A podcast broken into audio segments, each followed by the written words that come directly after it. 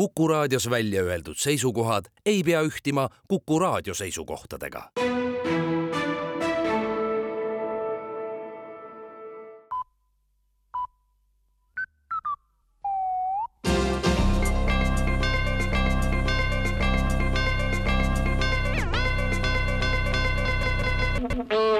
tere kuulama uudiseid stuudios Rohke Develak rahandusministeerium teatab, et riigieelarve strateegia on läbi teinud olulise muudatuse ja seda strateegiat ei eksisteeri enam. peamiseks põhjuseks, miks strateegiat enam vaja ei lähe, on tõsiasi, et kasuta ükskõik millist strateegiat või taktikat, raha jääb ikka eelarves kogu aeg vähemaks ministeeriumi värskema seisukoha järgi peaks riik tavainimestele lähemale tulema. suuremal osal inimestest pole mingit eelarvetki, rääkimata sellest strateegiast ja hakkama saadakse laenuraha abil ikkagi ka riik peaks jõudma ükskord nii kaugele, et majandatakse ära ilma eelarveta.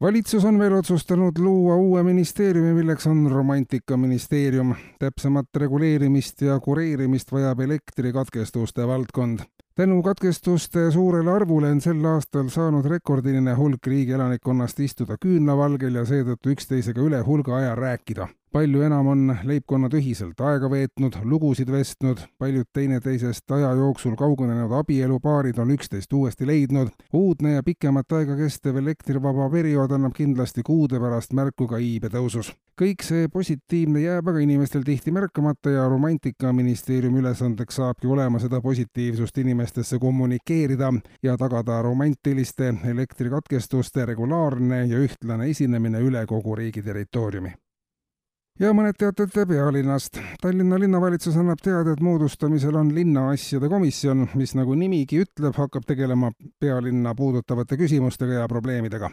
linnaasjade komisjoni hakkab esialgu kuuluma kolm inimest ja kui töö saab hoo sisse, siis teeb selle töö ära juba ka üks ametnik. ülejäänud Tallinna linnavalitsus aga tegeleb edasi riigiasjadega, kritiseerib valitsuse tööd, teeb ettepanekuid erinevate ministrite ametist vabastamiseks ja filosofeerib muidu riigihalduse teemadel. kui on olemas linnaasjade komisjon, siis on senisest selgem, millega Tallinna linnavalitsuses valdavalt tegeletakse ja inimesed ka ei segaks linnavalitsust enam nii sageli linnateemaliste probleemidega ja veel teatab linnavalitsus, et järgmisest nädalast on pealinlaste ja linnakülaliste kasutada lahastamisautomaadid, mis on mõeldud traumapunktide töökoormuse vähendamiseks libeduse tõrjekampaania ühe osana tänavatele lisanduvate rahastusautomaatide abiga saavad libedate linnatänavate tõttu ajutiselt liikumisvõimetuks muutunud linnaelanikud kiirelt ja mugavalt ise lahastada kõiki oma liigeseid. Automaati tuleb sisestada vaid oma viga saanud käsi, jalg või muu kehaosa ja paari minuti pärast on esmased probleemid lahendatud, teatab Raepress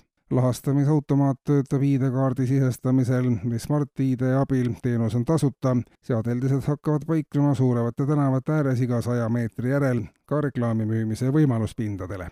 kuulsite uudiseid